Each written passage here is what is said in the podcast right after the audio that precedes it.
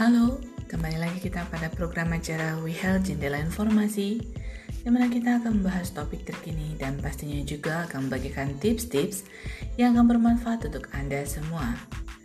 Kali ini, topik yang akan kita bahas adalah bagaimana cara untuk menghadapi bullying di tempat kerja.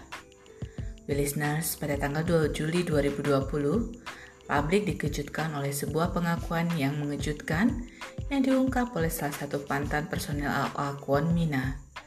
Kwon Mina membuat pengakuan di Instagram pribadinya bahwa dia telah menjadi korban bullying selama 10 tahun sejak masa training hingga menjadi member girl group AA. Tindakan bullying itu sampai membuat dia mengkonsumsi obat tidur yang membuat ketergantungan juga kerap kali membuat Mina mengalami kecemasan hingga sempat melakukan percobaan bunuh diri hingga beberapa kali. Listeners, bullying atau perisakan bisa terjadi pada siapa pun dan di mana pun. Bukan hanya pada remaja di sekolah, bullying di tempat kerja pun sering kali terjadi.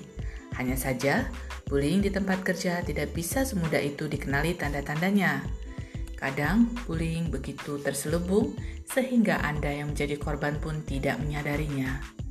Nah, kali ini kita akan mengenali lebih jauh mengenai masalah bullying di tempat kerja dan bagaimana cara mengatasinya. Bullying merupakan suatu bentuk perilaku seseorang atau sekelompok orang yang secara berulang-ulang memanfaatkan ketidakseimbangan kekuatan dengan tujuan menyakiti targetnya atau korban baik secara mental maupun fisik. Jadi, unsur-unsur bullying adalah ada tindakan berulang, dilakukan dengan sengaja dan dengan penuh perhitungan, adanya target tertentu, dapat dilakukan oleh siapa saja, baik atasan atau sesama karyawan. Bullying dapat terjadi di tempat kerja karena adanya perasaan terancam dengan kesuksesan rekan sekerja atau merasa tidak aman secara keseluruhan dengan karyawan lain yang mereka bully.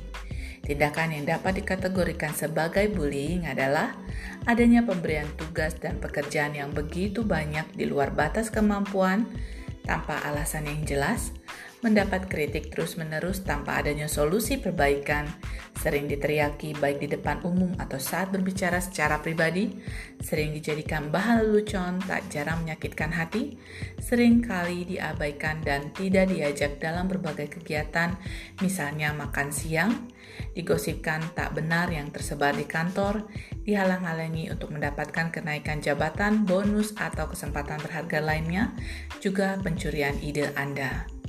Biasanya orang-orang berpendapat bahwa pelaku bullying berarti perilaku yang dilakukan oleh atasan kepada bawahan. Memang, seorang atasan punya kesempatan lebih besar untuk melakukan bullying. Namun, bukan berarti orang-orang yang bukan atasan Anda tidak bisa melakukan bullying. Persaingan atau lingkungan kerja yang tidak sehat bisa memicu orang lain yang satu pangkat atau bahkan pangkatnya di bawah Anda untuk menjadikan Anda sasaran bullying. Dampak buruk bullying bagi korban adalah akan menimbulkan masalah psikologis dan juga kesehatan, seperti rasa cemas, tertekan, gelisah, tidak percaya diri, tidak mau atau takut bergaul dengan lingkungan, menurunnya prestasi dan potensi diri, pesimis dan mudah putus asa, malu, cenderung menyalahkan diri sendiri, pendiam, mudah murung, dan tidak bisa berkonsentrasi, daya tahan tubuh menurun sehingga mudah sakit. Sedangkan dampak buruk bullying bagi perusahaan adalah mundurnya komitmen kerja dengan seringnya karyawan absen, penurunan kepuasan kerja, rotasi karyawan yang cepat karena banyak yang mengundurkan diri, peniruan tindakan bully dari satu karyawan ke karyawan lainnya, dan image buruk perusahaan.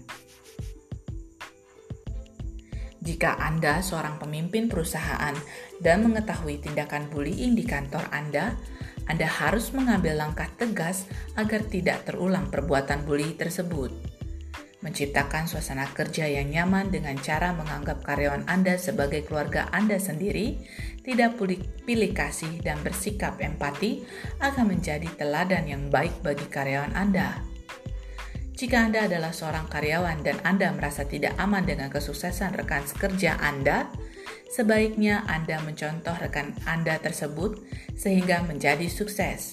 Bagaimana rekan Anda tepat waktu dalam mengerjakan tugas dan proyek kedisiplinan, sehingga Anda juga bisa menjadi sama suksesnya dengan rekan kerja Anda ketimbang membulinya.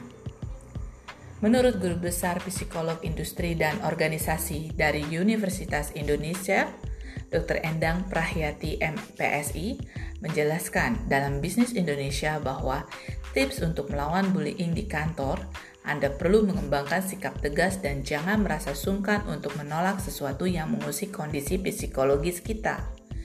Penolakan juga dilakukan dengan cara yang pantas, yaitu dengan menyatakan apa yang dirasakan.